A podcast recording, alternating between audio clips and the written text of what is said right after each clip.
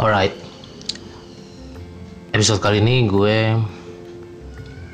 uh, for the first time in my podcast, in my podcast episode, gue mau ngobrolin hmm, tentang sepak bola, soccer, football, whatever it called. Terutama untuk sepak bola nasional, sepak bola Indonesia, karena gue orang Indonesia, jadi gue mau eh curhat aja, apa ya dibilang ya, bernarasi lah ya, bernarasi. Karena ini narazer, narasi zer. jadi gue ini suka bola itu waktu gua masih umur tahun 98 lah. Tahun 98 tuh ada Piala Dunia 1998 di Prancis. Eh suka nonton waktu itu gue masih SD. Jadi gua nonton pertandingan-pertandingan yang jam-jam 8 malam, jam 10 malam, yang jam 11 mungkin juga ada ya tapi yang pasti nggak nggak pernah nonton yang jam 12 sampai jam 1 karena gue masih SD susah untuk nggak akan mungkin bisa begadang dan pasti bisa dimarahin juga sama orang tua kalau begadang. Kayaknya juga gue dulu waktu SD SMP nggak bisa begadang deh. Tapi setelah Piala Dunia lewat Piala Dunia 98 lewat 99 gue masih senang main bola sama teman-teman gue uh, 2000 udah mulai nggak suka. Gue beralih beralih main basket. Gue lebih hobi main basket. Gue beli bola basket di rumah main basket di rumah main basket di sekolah gitu. Sampai gue kelas 1 SMP gue main basket. And then kemudian datanglah Piala Dunia 2002 Korea Jepang. Piala Dunia 2002 Korea Jepang sangat menarik karena kita bisa nonton siang hari. Dan ya siang-siang lu bisa nonton pertandingan semacam Argentina, Brazil, um, lu bisa nonton yang pertandingan yang lebih keren lagi juga sore-sore gitu.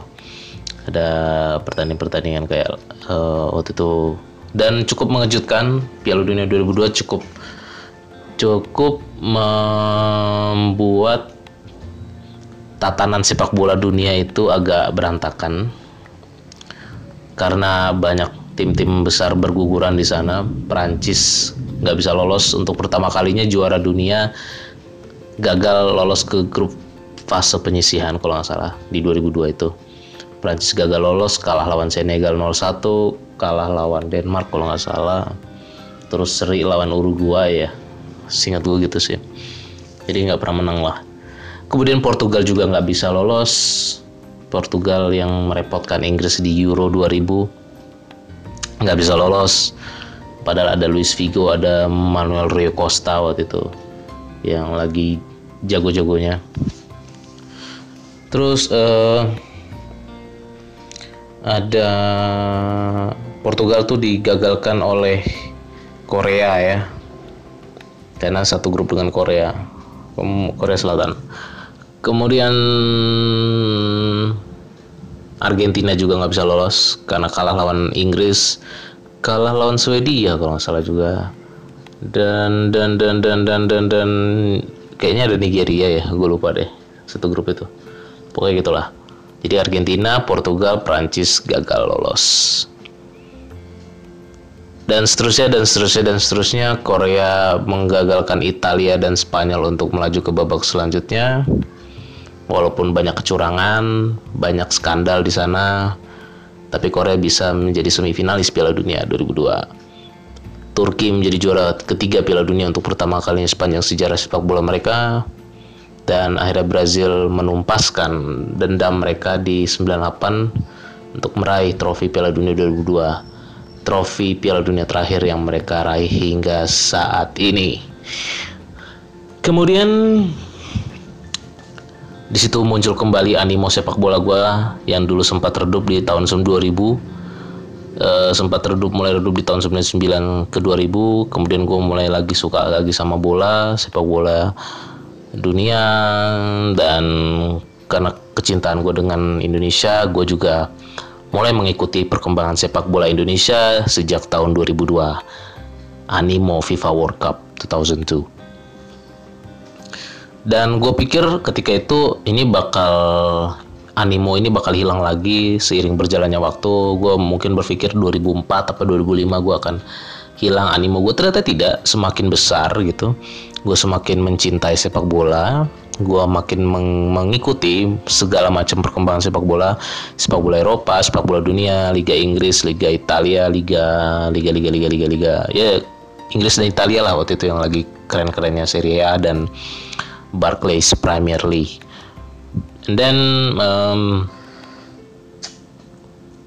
gue ngikutin sepak bola Indonesia di 2002 itu ada Piala Tiger Indonesia sampai final dan dikalahkan oleh Thailand lewat adu penalti. Dan sebelumnya di babak 2 kali 45 menit sampai babak perpanjangan waktu itu skornya dua sama. Gue masih ingat yang golin itu eh gue masih ingat ya. Ada tuh namanya tuh eh Kristiawan ya, gue lupa deh namanya. Kristiawan sama sama siapa? Zainal Arif eh bukan bukan bukan Zainal Arif siapa sih waktu itu yang pasti bukan Bambang Pamungkas lah yang golin di final Piala Tiger 2002 dua sama Thailand waktu itu menang dulu 2 ke 0 ya kalau nggak salah Thailand menang dulu 2-0 0 ketinggalan Indonesia ketinggalan 0-2 kemudian disusul oh oh gendut Doni Kristiawan salah satu pencetak golnya gendut Doni Kristiawan yang pun tuh orang ke mana ya udah nggak pernah kelihatan lagi gendut Doni Kristiawan namanya lucu sih Gendut Doni Kristiawan. Nah, satu lagi gue lupa namanya siapa yang pencetak golnya. Dan gue ingat tuh yang ketika itu yang yang gagal adu penalti Indonesia gagal yang gagal me, mengeksekusi penalti itu salah satunya Bejo Sugianto. Tendangan penaltinya membentur tiang Mister Gawang Thailand, Mister Atas. Ketika itu gue ber, berpikir Indonesia harusnya bisa juara Piala Tiger. Harus bisa merebut Piala Tiger yang sekarang jadi namanya Piala AFF tapi hingga saat ini dari 2002 pengamatan gue sepak bola Indonesia dari 2002 sampai sekarang Indonesia tidak satu biji pun meraih trofi Piala AFF. Dan itu sangat menyedihkan dan gue tahu lu semua yang dengerin ini yang suka sepak bola pasti juga sangat sangat sangat sangat prihatin dengan keadaan timnas kita. Gue nggak akan bahas tentang mafia di PSSI, kebobrokan organisasi PSSI ataupun hal-hal lainnya yang bersifat non teknis karena gue nggak punya akses ke sana. Kedua, ada yang lebih kompeten dan lebih kredibel untuk membahas ini di podcast yang masuk top chart ya, kotak ke kotak ya. Ya podcast kotak ke kotak kotak ke kotak atau nggak podcast podcast itu apa? Uh, umpan lambung. Ayo umpan lambung. Cing cing cing, cing gitu. Itu jinglenya jingle podcast mereka. Itu gue plesetin dikit gue nggak akan bahas itu tapi gue untuk episode ini gue cuman mau men-sharing ya men-sharing apa yang selama ini gue amati sepak bola Indonesia ini sejak gue memiliki animo sepak bola tumbuh kembali di tahun 2002 hingga saat ini. Itu rekam jejak gue 2002 itu Indonesia Piala Tiger. Piala Tiger itu atau Piala AFF itu kan diselenggarakan dua tahun sekali. Kemudian di 2004 lahirlah wonderkidnya Indonesia yang sampai sekarang masih menjadi andalan timnas. Wonderkid asal Papua yang luar biasa gue waktu itu dulu seneng banget. Ya, siapa lagi kalau bukan Boas Solosa. Nah, Boas Solosa ini sampai sekarang ada beberapa komentator bilang nggak ada yang bisa gantiin dia ya. Sejauh ini belum ada yang bisa ganti dia. Dan mungkin benar, ada benar juga. Um,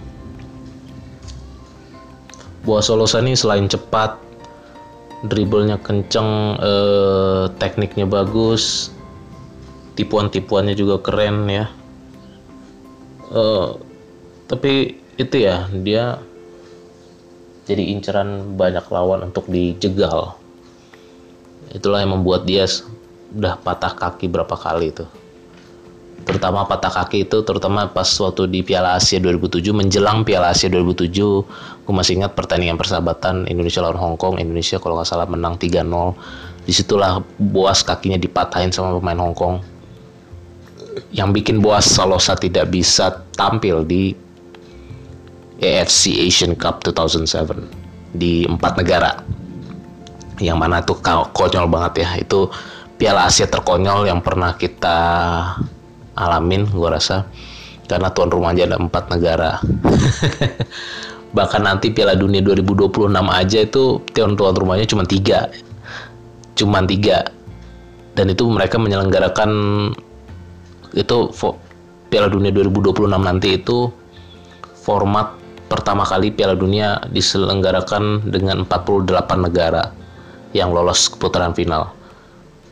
Itu cuma tiga 2026. Satu Kanada, dua USA, tiga Meksiko. Dan kita Piala Asia yang waktu itu Piala Asia 2007 yang put lolos putaran final cuma 16 negara ya, 16 atau 24. Gua nggak inget banget. Itu empat negara yang ngadain Indonesia Thailand Malaysia ya kalau nggak salah eh bukan bukan Indonesia Thailand Vietnam satu lagi itu iya ya kayaknya Malaysia deh. Singapura Malaysia. Ya itu. Indonesia Malaysia Thailand Vietnam. Itu yang ngadain yang nyelenggarain. Uh, mereka aja tuh uh,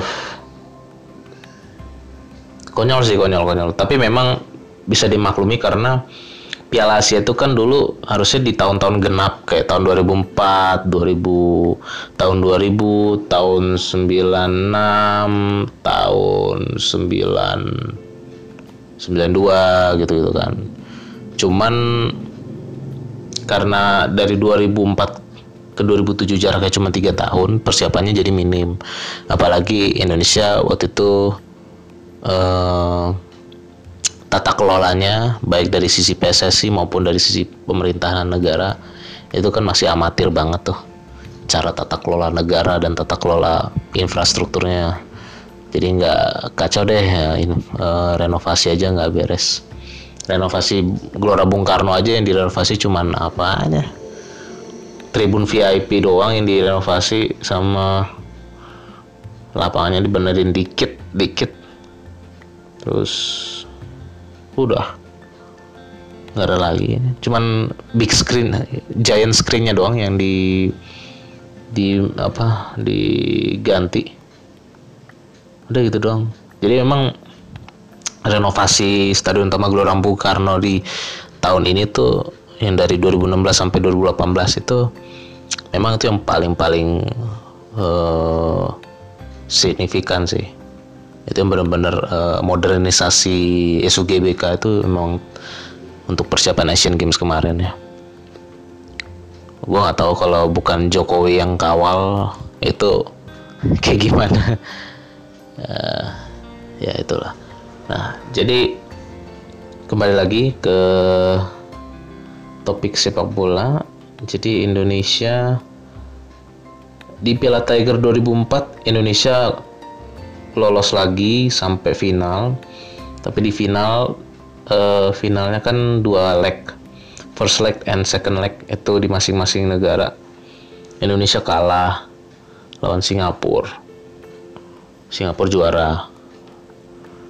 Uh, padahal waktu itu kualitas timnas di 2004 itu cukup bagus sih menurut gua cukup bagus tapi entah kenapa nggak bisa nggak bisa dan karena itu cukup fenomenal juga sih waktu itu di di semifinal Indonesia lawan Malaysia. Indonesia kalah di Gelora Bung Karno 1-2 lawan Malaysia. Kemudian kita kayaknya udah nggak ada harapan di semifinal second leg di Bukit Jalil Kuala Lumpur. Kita timnas ke Malaysia pertandingan semifinal second leg lawan Malaysia kayaknya kita udah nggak ada harapan pasti kalah lagi. Tapi ter namun ternyata Indonesia justru bangkit di situ mengamuk dengan buah Solosa. Itu ada buah Solosa Ilham Jayakusuma ya striker-strikernya waktu itu. Ada siapa lagi ya? Ponari udah masuk belum ya? Kayaknya belum. Firman Utina mungkin udah ada. Um, buah Solosa cetak berapa gol tuh? Kalau salah dua gol atau berapa gol. Indonesia menang telak. Lawan Malaysia 4-1 dan di situ menumbuhkan asa kembali menumbuhkan harapan kembali Indonesia bisa merebut nih Piala Tiger untuk pertama kalinya di tahun 2004 alhasil Indonesia mengecewakan oh iya gue ingat. Dulu yang di Piala Asia eh Piala Asia lagi. Piala Tiger 2004 itu ada Kurniawan dulu masih ada Kurniawan Dwi Yulianto. Bambang Pamungkas kalau kalau nggak salah tuh lagi nggak ada di situ. Ya ya lagi nggak ada. Nah bersamaan dengan Piala Tiger sebelum ada Piala Tiger kalau nggak salah Indonesia juga main di Piala Asia. Jadi kan Indonesia tuh lolos eh, pernah berhasil secara sejarah pernah berhasil lolos ke putaran final Piala Asia itu sebanyak sebanyak berapa kali ya? Sebanyak empat kali kalau nggak salah. Satu karena tuan rumah. Jadi berturut-turut tahun 96, tahun 2000 dan 2004. Ya, 96 yang terkenal itu tendangan bicycle kicknya Widodo Ceputra waktu lawan apa tuh ya lawan Uni Emirat Arab kalau nggak salah lalu di dua, tahun 2000 dibantai sama Korea Selatan. Ada Lee Dongguk eh, eh Lee Dongguk apa siapa namanya? Ah tau lah. Kemudian di 2004 nah 2004 yang paling gue ingat karena kan kan seperti yang gue bilang gue mulai mengamati Indonesia timnas Indonesia timnas PSSI itu sejak 2002 hingga sekarang. Di 2004 Indonesia satu grup dengan Qatar kemudian tuan rumah China dan Bahrain. Ya Bahrain. Kita lawan Bahrain kalah 1-3 kita lawan tuan rumah dihabisin 0-5 tapi di pertandingan pertama lawan Qatar kita menang 2-1 yang golin itu salah satunya gol bagus gol cantik dari Ponario Astaman. Tembakan dari luar kotak penalti itu bagus banget. Penario Astaman sama siapa lagi? Satu lagi yang golin ya aduh satu lagi siapa sih? Lupa gua. Lupa lupa lupa. Lupa saya lupa. Kayaknya bukan Bambang Pamungkas deh. Firman Utina. Bukan bukan. Kayaknya bukan. Aduh nanti kalian bisa cek ah. Yang gue ingat cuma golnya Ponara Astaman soalnya. Nah, kemudian di Piala Asia 2007 kita nggak bisa berbuat banyak walaupun jadi tuan rumah. Kita menang lawan Bahrain, satu grup sama Bahrain, Saudi Arabia dan uh, South Korea, Korea Selatan. Piala Asia 2007 kita main di kandang. Seperti biasa di stadion tua Gelora Bung Karno. Gue gak ngerti kenapa kita selalu pakai itu mulu. Ya padahal Indonesia itu sangat luas masih banyak stadion-stadion lain yang bisa dipakai sebagai stadion utamanya timnas PSSI takut banget kehilangan penonton. Di daerah-daerah lain pasti juga penontonnya banyak lah. Gak akan mungkin rugi penjualan tiketnya. Gitu. Ya kita terlalu Jakarta sentris sampai sekarang. Walaupun Jokowi sudah membangun koneksi jalan ribuan kilometer di Papua membangun macam-macam di Kalimantan Sulawesi dan Sumatera. Tapi memang dari sisi psikologis dan sosialis sosialis tersangkain komunis lagi. Dari segi sisi psikologis dan segi sosial kita masih Jakarta sentris. Masih Jawa sentris. Um, sampai mana tadi ya? Anjir gue jadi lupa.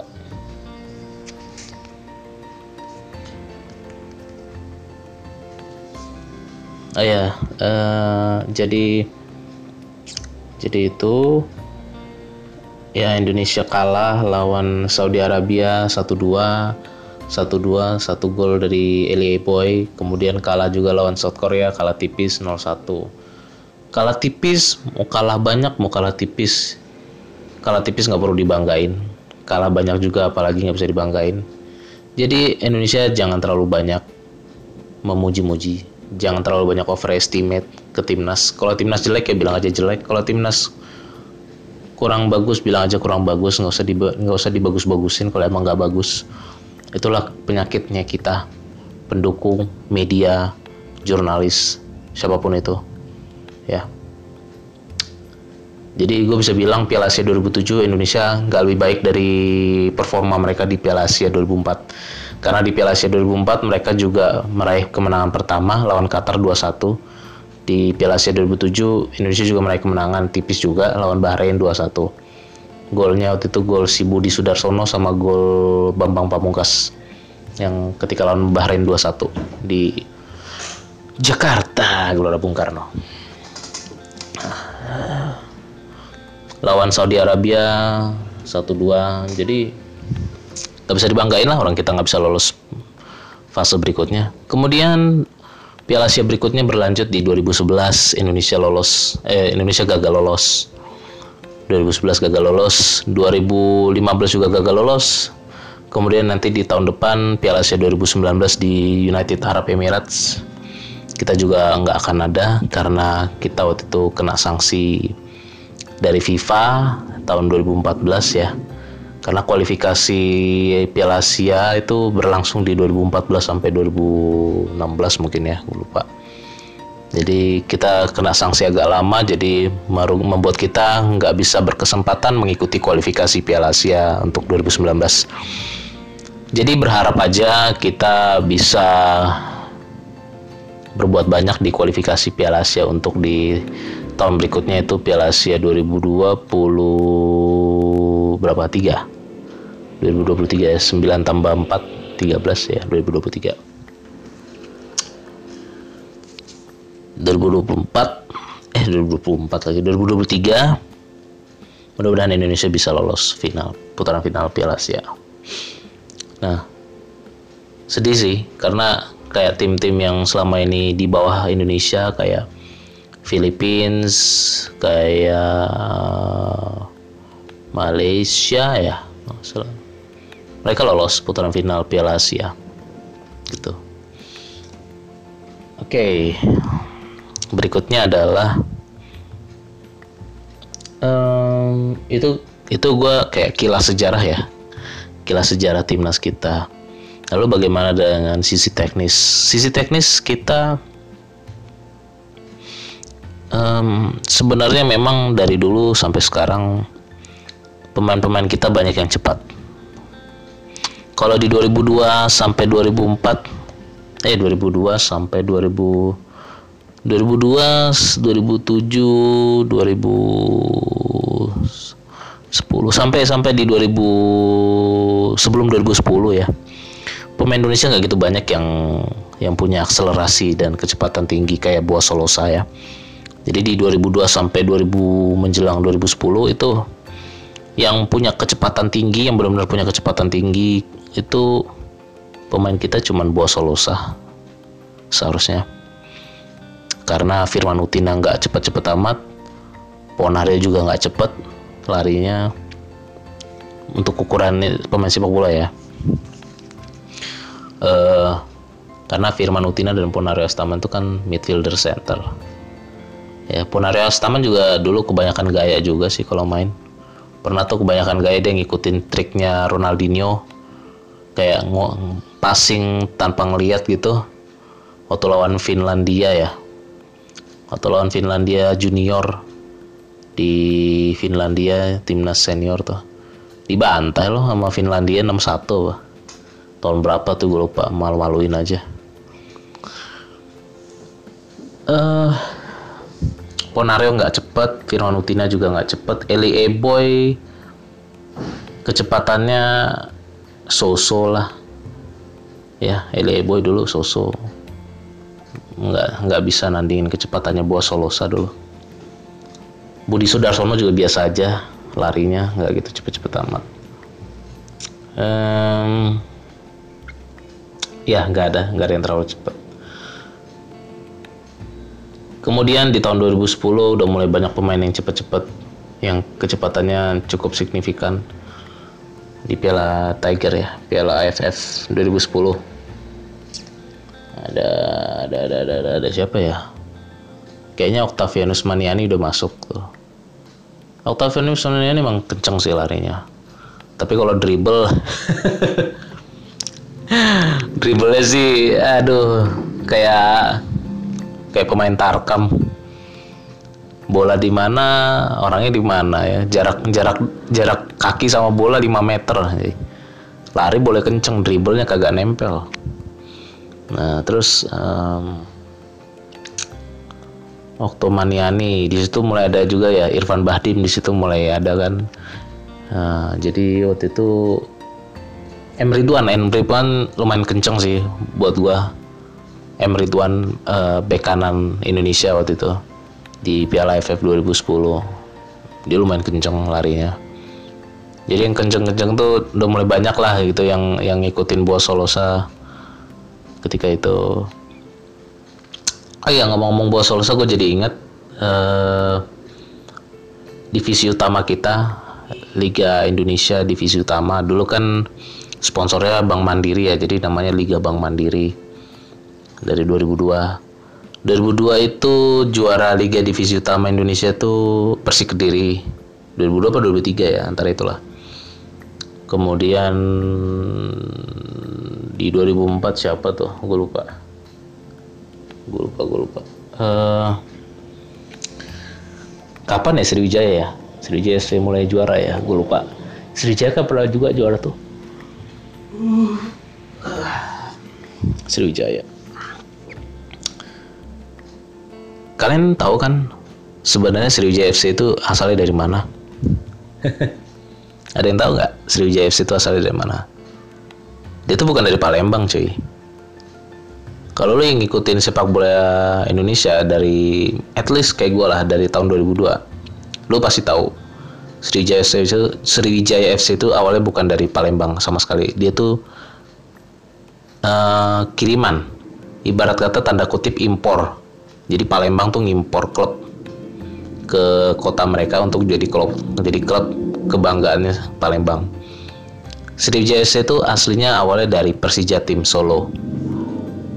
Yang artinya dari Solo. Persija tim Solo FC kemudian kayaknya Persija tim ini punya masalah financial.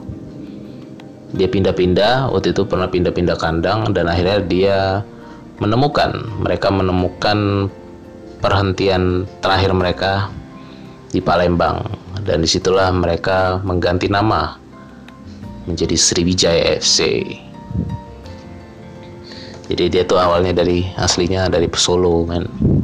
Persija tim Solo. Makanya Persija tim Solo FC udah nggak ada karena dia berubah wujud menjadi Sriwijaya FC.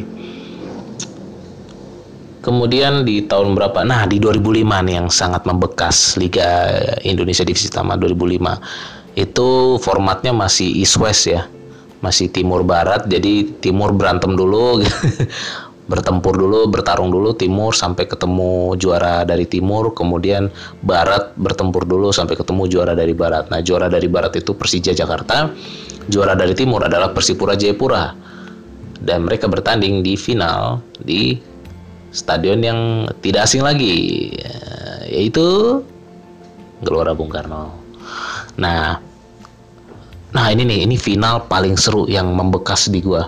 Final Liga Indonesia Divisi Utama tahun 2005. Kenapa? Karena di sini perbedaan uh, Persija dan Persipura di sini memiliki gap gap teknik, kecepatan dan skill permainan yang sangat jauh.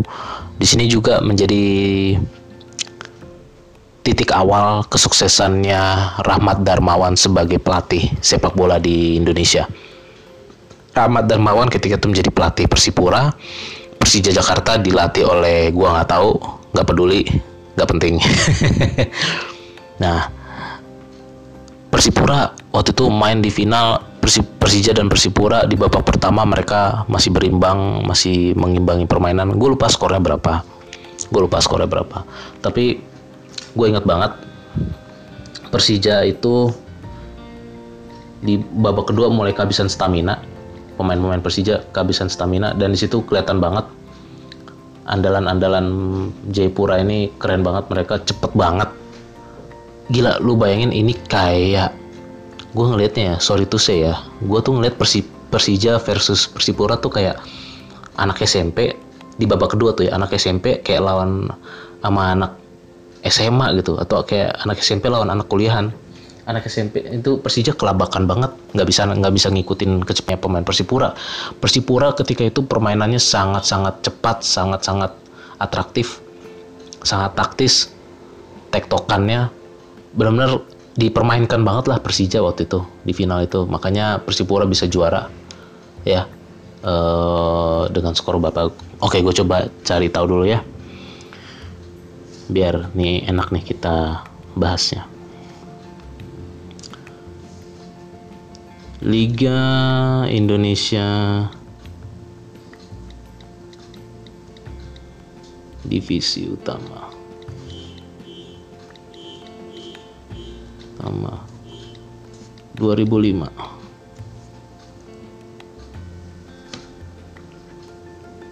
kita lihat kita googling oh dulu namanya Liga Jarum. Oh ya juaranya Persipura Jayapura kan. Pemain terbaiknya Christian Warobai. Gue dulu lupa mana nih orang.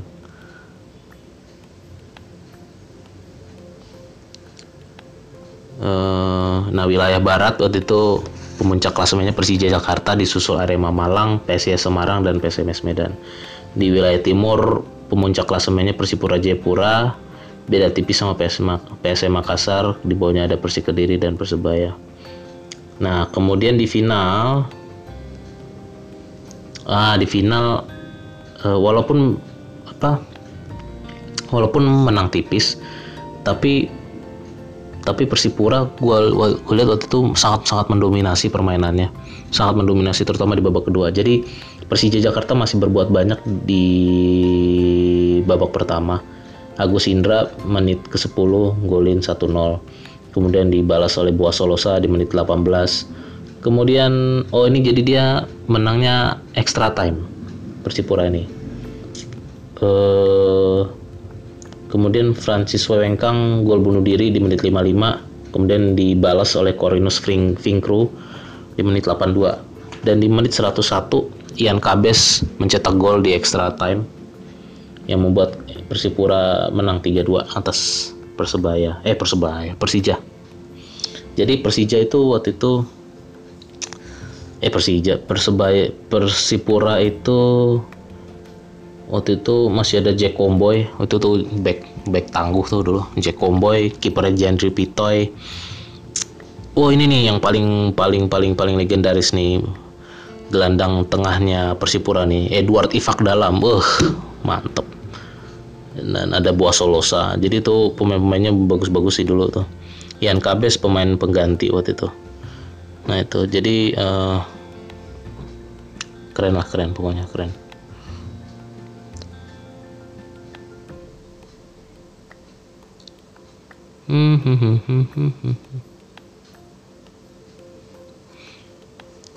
Nah di lucunya tuh di Persija tuh ada Ortisan Solosa adiknya Boa Solosa. Jadi Ortisan tuh main di Persija waktu itu. Sebelumnya Ortisan ini gue inget seinget gue tuh dia pemain PSM Makassar sih Ortisan Solosa. Nah ini uh, Pemain Persija waktu itu ada Hendro Kartiko, Hamka Hamsa, Aris Indarto, Aris Haris Yulianto, Ortisan Solosa, Agus Indra. Agus Indra itu midfielder center ya. Nah di sini udah nggak ada buang, udah nggak ada Bambang Pamungkas di Persija di 2005. Kayaknya Bambang waktu itu lagi di Liga Malaysia ya, main di Selangor FC kayaknya. Eli Ebo juga udah nggak ada di Persija di sini waktu itu. Eli Ebo juga kayaknya ikut Bambang ke Malaysia. Oke, nah ini nih paling membekas nih di gua di 2005. Kemudian di 2006 siapa ya juaranya ya? Gue lupa 2006 siapa. Uh, di sini nggak bisa kelihatan ya. Gue coba cari dulu ya guys. Oh ini nih ada nih. 2006 gue tinggal klik aja Wikipedia 2006 Persik Kediri kembali juara Persik Kediri dulu lumayan lumayan berbobot sih ya lumayan jago ya. tapi entah kenapa Persipura tiba-tiba melempem ya di 2006 nggak bisa masuk klasemen empat besarnya wilayah timur malah. Persmin Minahasa yang jago anjir. Gue baru tahu Persmin Minahasa sempet jago. Jadi sini langsung turun ya Persipura kemampuannya di 2006 juaranya Persik Kediri nah di 2007 Liga oh di 2007 Sriwijaya menjadi juara Liga Indonesia lawan Persipura kayaknya nih finalnya lawan Persipura Iya. Yeah. Persipura bukan sih? Nggak ngerti gue. Iya kayaknya nih. Ini gue nggak ngerti formatnya kayak apa nih.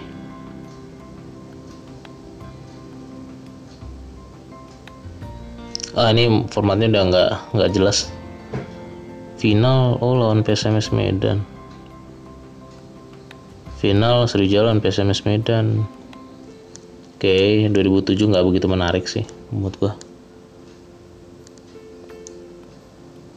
nah di 2008 format Liga Indonesia berubah menjadi penyatuan wilayah. Barat Timur udah nggak dipisah lagi. Dan uh, 2008-2009 Persipura bangkit lagi akhirnya dia juara lagi. Di ini Liga Super Indonesia namanya. Dia pakai format liga-liga di Eropa uh, per ini per musim ya. Bikinnya per musim 2008 2009 2009 2010 2010 2011 dan seterusnya. Di sini juara Persipura juara. Ngalahin ngalahin siapa nih? Wih, peringkat duanya sesama Papua juga Persiwa Persiwa Wamena. Persiwa Wamena. Jadi ini mainnya sub klasemen pakai klasemen itu Terus ini ada tulisannya di Wikipedia, peluncuran Liga Super 2008-2009 ditandai dengan digelarnya pertandingan antara tim Super Eleven melawan tim Fantastic Eleven ya. Ini Indonesia kebanyakan ngayal kalau menurut gue sih. Pakai gaya-gayaan Super Eleven, Fantastic Eleven melawan tim Finlandia lagi juga gue rasa bonyok lagi tim Super Eleven merupakan pemain lokal dilatih Rahmat Darmawan dengan manajer di, di Miswar. Sementara Fantastic Eleven pemain asing. Hmm. oke oke oke. Okay. pertandingan berikut dilabeli dengan The Judgment Day. The Judgment Day. Ketemu Judgment Day beneran baru nyaho loh uh, Oke, itu Liga Indonesia 2008-2009. Oke, kemudian kita ke musim 2009-2010 siapa juaranya? Arema 2009-2010 juaranya Arema. Hmm, klasemennya Persipura di peringkat kedua. Jadi di sini Persipura udah mulai udah mulai ini ya, udah mulai stabil permainannya. Dari 2005 juara, 2006 anjlok, 2007 uh, agak-agak merangsak naik lagi merangkak naik. 2008 2009 dia juara lagi. 2009 2010 dia runner up. Arema yang juara. Sriwijaya uh, agak anjlok di sini. Uh, Sriwijaya FC agak anjlok. Dia di peringkat 8 Oke lalu 2010-2011 siapa ini? Persipura lagi 2010-2011 juara.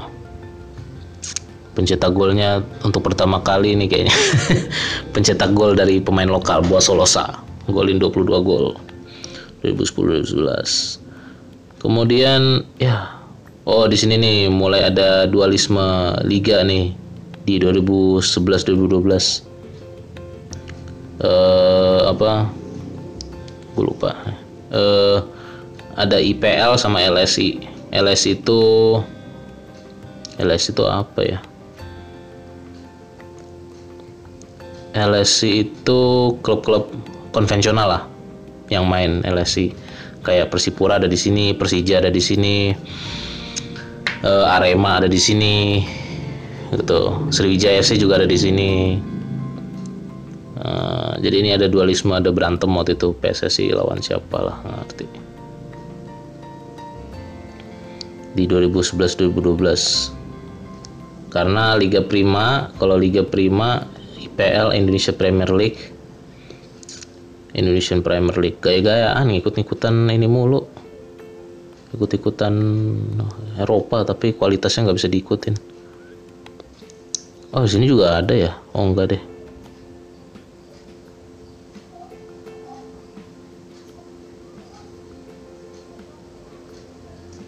Sihar.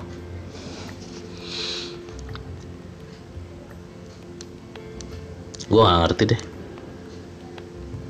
Gue gak ngerti. Gue dulu sempat ngikutin cuman oh jadi gue nggak tahu mana yang di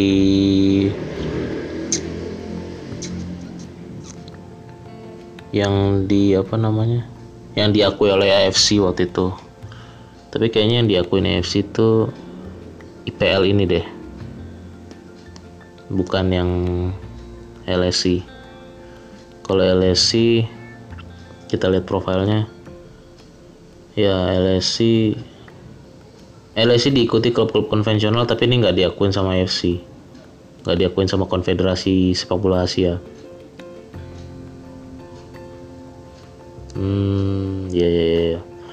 Ini nih uh, brief brief singkatnya. Liga Super Indonesia 2011-2012 merupakan musim keempat dari kompetisi Liga Super Indonesia sejak dimulainya pada musim 2008 dan musim ke-17 dalam Liga Indonesia.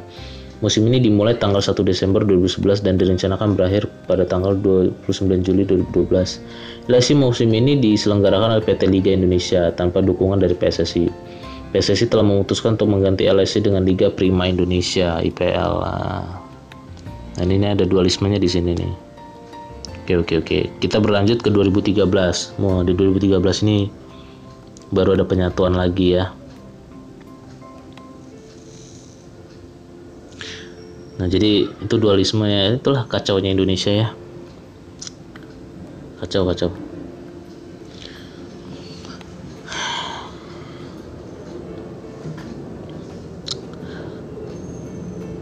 di Liga Liga Super di Liga Indonesia ini divisi utamanya ini. Yang jadi juara itu Persipura Jayapura 2000 di musim 2012-2013 itu runner up-nya si siapa ya? Kita lihat dulu. Runner up-nya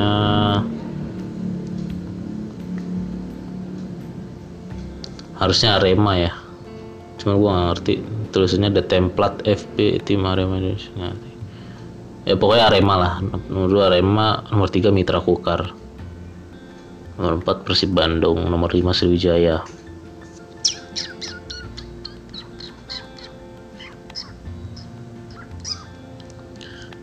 Lalu kita bergeser ke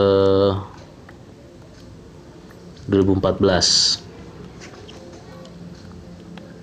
2014 oh, ini untuk pertama kalinya bukan pertama kalinya sih sejak lama Indonesia. Nah ini yang ketika ini 2014 ini eh, lagi kena sanksi sama FIFA. Jadi dia nggak bisa ikut kualifikasi Piala Dunia nggak bisa Indonesia nggak bisa ikut kualifikasi Piala Asia. Indonesia juga nggak bisa ikut apa lagi ah gitu gitu deh AFC Cups atau uh, uh, AFC Champions League itu nggak bisa ikut.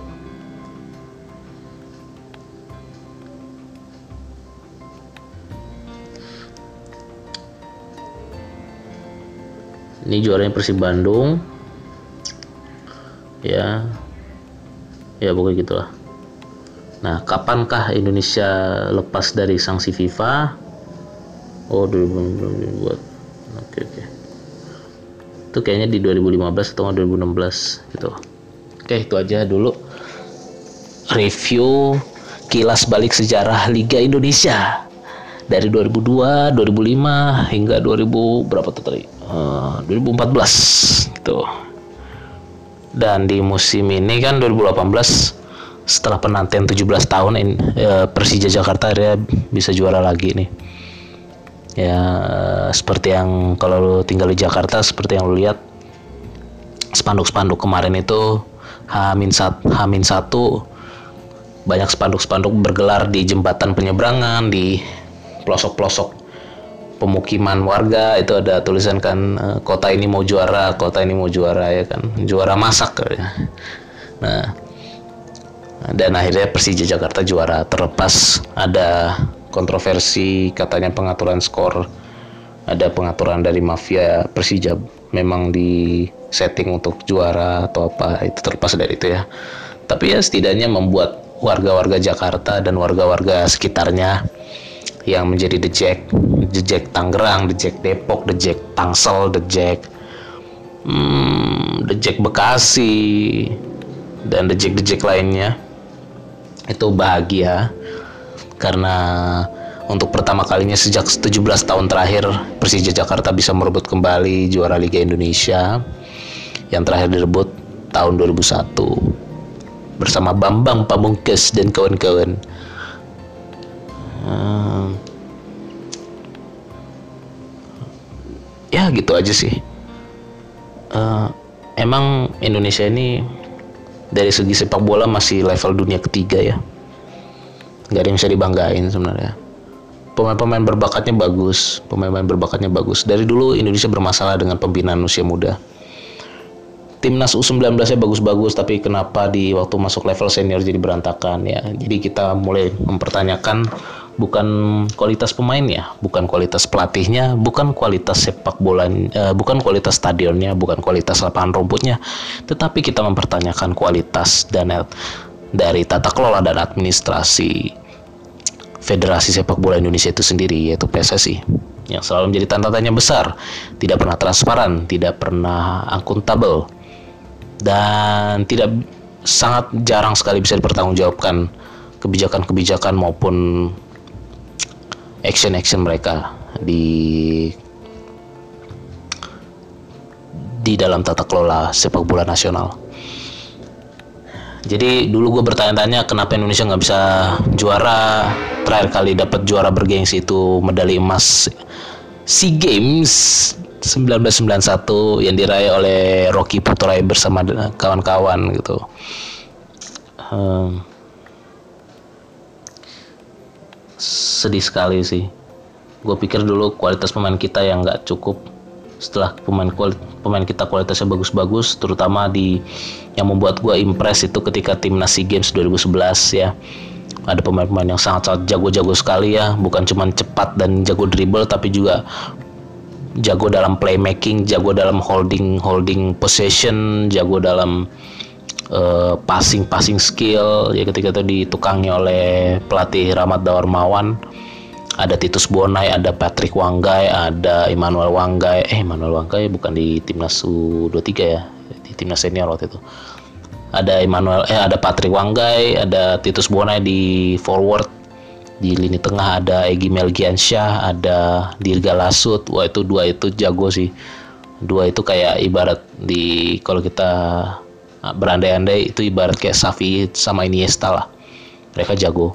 Skillnya jago, passingnya jago, playmaking jago, holdingnya jago, pengaturan passing, pengaturan uh, attacking defense-nya bagus ya. Egi umpan-umpannya cukup bagus. Uh, kemudian ada siapa lagi waktu itu ya? Ada situ juga yang artis tuh. Uh, siapa sih namanya? Yang pacaran sama Nikita. Bukan Nikita Mirjani ya. Nikita Nikita Willy ya siapa sih namanya? Sergio ya Sergio siapa sih? Ah itulah nggak penting. Tapi dia lumayan bagus waktu di SEA Games 2011 sih. Lumayan bagus dari back sayap. Cuman setelah itu dia menurun. Kipernya juga jago waktu itu si uh, si aduh gue lupa namanya kiper Arema Arema ya Malang tuh. Kiper Arema Malang. Kayak gayanya kayak letoy tapi sebenarnya jago refleksnya jago fisiknya bagus. Cuman gayanya aja letoy gitu. Tinggi lumayan tinggi. Backnya waktu itu ada si aduh backnya gue lupa namanya. Backnya juga tinggi back backnya center backnya tinggi tinggi bagus bagus kok. Uh, gak apa kokoh lah kokoh Agus Prasetyo apa namanya ya? Siapa sih namanya? Gue lupa. Pokoknya ada dua deh. Bagus bagus. Mereka tuh bagus. Semuanya bagus. Uh, jadi sebelum ada Hansamu ya mah Hansamu ya Hansam Hansamu Hansamu Hansan Hansamu. Ya itulah. Sebelum ada dia back tengah yang bagus Indonesia Indonesia udah pernah punya back yang bagus juga tuh dua itu. Dua itu bagus sih. Nah. Oh ini kipernya timnas U23 Kurnia Mega. Emang kiper Indonesia kalau namanya Kurnia Kurnia emang bagus sih. Kayak Kurnia Sandi yang pernah di Primavera Sampdoria dan Kurnia Mega. Bagus-bagus sih. Kurnia Mega tuh bagus sih. Kalah lah si uh, Hendro Kartiko Marcus Marcus Horizon tuh kalah lah. Gak ada apa-apanya tuh dua dibanding Kurnia Mega sih. Itu bagus ini bagus uh, cuman gue nggak tahu nasibnya sekarang kayak gimana. Kayaknya udah nggak gitu berkembang juga. Kesian sih. Sebenarnya pemain-pemain Indonesia banyak yang berbakat tapi manajemen dan manajemen tata kelola klub-klub sepak bola dan federasi sepak bola kita tidak bisa mendukung mereka untuk lebih maju lagi. Tidak bisa mendukung perkembangan mereka. Kesian sih. Makanya kayak model-model kayak siapa? Pemain U19 yang sempat jadi yang sempat terkenal dan jadi selebritis selebritis olah, olahraga maksudnya. Kayak si siapa? Ah, lupa gue namanya yang kecil-kecil itu. Ya kalian tau lah siapa yang gue maksud. Nah itu. Mereka tuh berbakat sayang banget. Sayang banget mereka nggak ini. Ya mudah-mudahan yang lagi main di Poland uh, si Egi juga namanya ya? Egi Egi siapa namanya? Egi Maulana ya? Egi Maulana. Di Gedang Gedang Gedang apa? Gedang Gedang ah segedang segedang segedang ah segedang segedang jadi warkop DKI ya yang lagi main yang lagi berkarir di Polandia ya mudah-mudahan lo bisa berkembang lah di sana ya. Jangan cuma jadi pajangan doang di sana jangan bernasibnya jangan berakhir kayak Kurniawan Dwi Yulianto dan Kurnia Kurnia Sandi. Yang gitu-gitu aja. Bima Sakti juga nggak gitu berkembang di Helsingborg Swedia. Cuman bertahan dua tahun doang di sana. Uh, memang memang kayaknya benar apa yang dibilang coach Justin Laksana. Uh, lu kalau jadi pemain sepak bola di Eropa kalau lu memulai karir lu di sana umur 20-an atau umur 18, 19 atau bahkan umur 17 tahun pun nggak cukup. Lu nggak cukup untuk bisa menandingi level mereka. Bukan level skillnya ya tapi mungkin level kematangannya level mentalnya level fisiknya gitu. Nggak bisa karena uh, orang-orang lokal di sana pun untuk mengembangkan fisik mental itu aja dari umur 10 tahun, 12 tahun. Dari mereka masih SD, cilik-cilik, mereka udah dilatih di SSB-nya Eropa itu kayak di Belanda, Jerman apa. Mereka baru bisa berkembang dan bisa berkarir berkarir konsisten di liga-liga Eropa gitu. Jadi ya mungkin kebijakan Indonesia dulu yang bikin tim Primavera di di Italia tahun 94 itu kayaknya emang salah ya. Salah target. Harusnya kalau mau sekalian bawa pemain Indonesia itu yang umurnya masih lima tahun jangan lima tahun lah lima tahun terlalu muda. Yang umur umur kayak yang sarannya Justin Laksana lah kalau di Belanda tuh umur 10 tahun lah minimal atau 12 tahun lah. Mungkin di Italia masih bisa lah 12 tahun kayak gitu. Dibikin programnya di sekolahin di sana SD-nya di sana tinggalnya di sana pola makannya diatur di sana di Eropa. Baru mereka punya karir yang jelas punya karir yang panjang di Eropa. Itu karena sepak bola kita nggak beres administrasinya di Indonesia itu kayak akademi Real Madrid di Bali, akademi Barcelona di Sentul, itu sampai sekarang nggak kedengeran tuh gaungnya. Itu apa cuman pemanis aja. Itu cuman nyari pasar doang di Indonesia. Bukan mau ngembangin sepak bola pemain-pemain mudanya untuk dikirim ke Spanyol. Itu sih. Oke itu aja. Sementara mungkin gue akan bahas lagi uh, gue tetap walaupun udah ada podcast bola yang terkenal di Spotify, iTunes, SoundCloud tapi gue tidak meno, tidak mengurungkan niat gue untuk berbicara dan curhat tentang sepak bola terutama sepak bola timnas sepak bola Indonesia. Karena ini wujud kecintaan gue terhadap sepak bola kita. Uh, gue harap ini bisa menjadi sebuah sedikit lah sedikit enlightenment atau sedikit uh, renungan aja buat kita. Kepedulian kita terhadap sepak bola Indonesia itu sampai udah sampai mana? Apakah kita mau membiarkan pejabat-pejabat PSS ini merusak sepak bola kita? Apakah uh, 2026 pun dengan bertambahnya partisipasi negara yang bisa lolos ke Piala Dunia gue nggak tetap nggak optimis Indonesia bisa lolos putaran final Piala Dunia 2026 karena karena negara-negara tetangga kita yang dulu di bawah kita sekarang malah merangkak naik kayak Vietnam, Filipina udah mulai naik sepak bolanya. Jadi saingan terberat kita bukan Thailand sekarang, tapi hampir semua negara Asia Tenggara. Malaysia udah sering ngalahin kita. Singapura juga udah sering eh, dari dulu udah sering ngalahin kita. Singapura, Malaysia, Thailand. Kemudian ada raksasa Asia Tenggara yang baru Vietnam. Yang bahkan Vietnam pun udah juara sekali Piala AFF di 2000 berapa tuh ngalahin Thailand keren banget gue sedih waktu itu Indonesia Indonesia bukan dikutuk tapi memang kita mungkin PSSI-nya yang dikutuk karena tidak pernah memberikan pembaruan, tidak pernah memberikan perbaikan dari segi administrasi, dari segi non teknis untuk sepak bola kita. Tidak peduli dengan sepak SSB, tidak peduli dengan akademi sepak bola, tidak peduli dengan uh,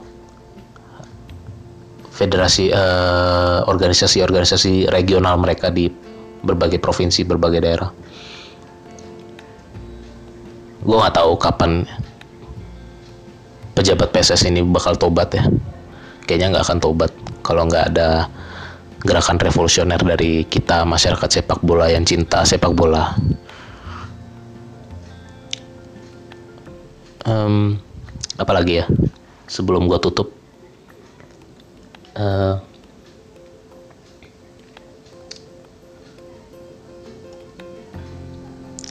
ya gue nggak mau nggak mau bisa nggak bisa ngomong banyak sih. Nanti kapan-kapan gue bakal ngomongin sepak bola mungkin bersama teman-teman gue yang lain sebagai bintang tamu supaya lebih seru obrolannya. Um, untuk podcast sepak bola lu bisa dengerin kotak ke kotak umpan lambung yang sudah menjadi media network di podcast maupun di YouTube ya ada di sana ada Pangeran Syaan, ada Coach Justin Laksana. Mereka orang-orang yang kredibel, orang-orang yang cerdas menurut gua, yang punya kepedulian tinggi terhadap sepak bola. Ya harusnya orang-orang seperti itu yang diberi kesempatan lebih untuk men take over uh, Federasi Sepak Bola Nasional kita.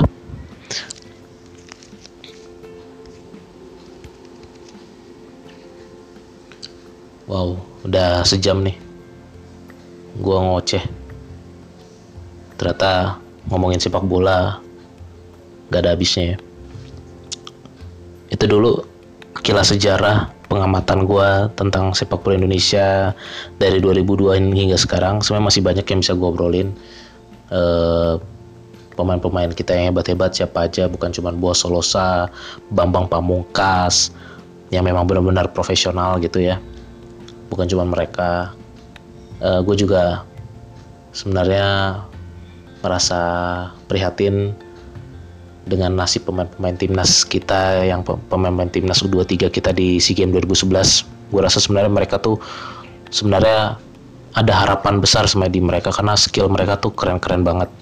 Gue paling appraise, uh, appraise dan paling paling amazed itu sama timnas SEA Games kita di 2011 23 mereka tuh skillnya lengkap banget. Titus Bona itu buat gue kayak buah solosanya kedua di Indonesia. Patrick Wanggai itu uh, badannya besar kuat tegak jago heading uh, jago jadi target man ya. Egi Melgiansyah dan Dirga Lasut itu kalau mereka sering dimainkan itu bisa jadi duet maut bagaikan Xavi Iniesta di Barcelona bagaikan Xavi Iniesta di Spanyol timnas Spanyol mereka.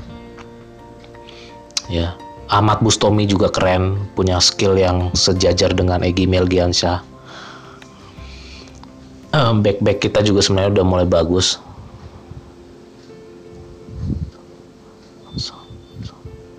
Dan apalagi ya?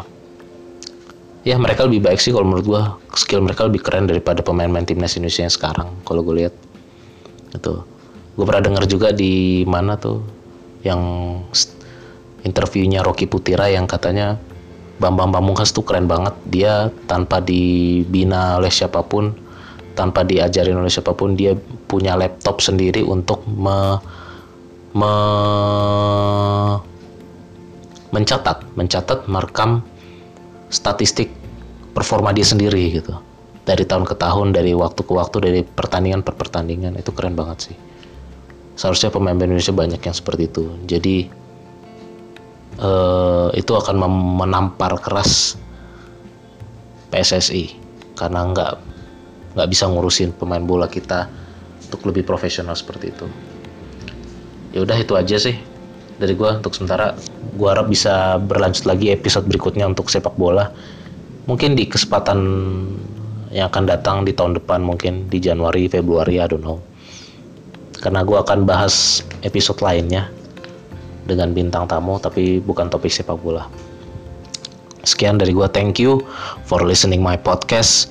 Uh, eh, gue sangat appreciate kalau lo mau berkomunikasi dengan gue bertukar pikiran berdiskusi dengan gue lewat email zoro@generasicipta.com atau juga lebih gampangnya lewat Twitter aja DM gua mention gua. Twitter gua nggak rame kok Twitter gua sepi. Jadi DM gua aja mention gua aja nggak masalah.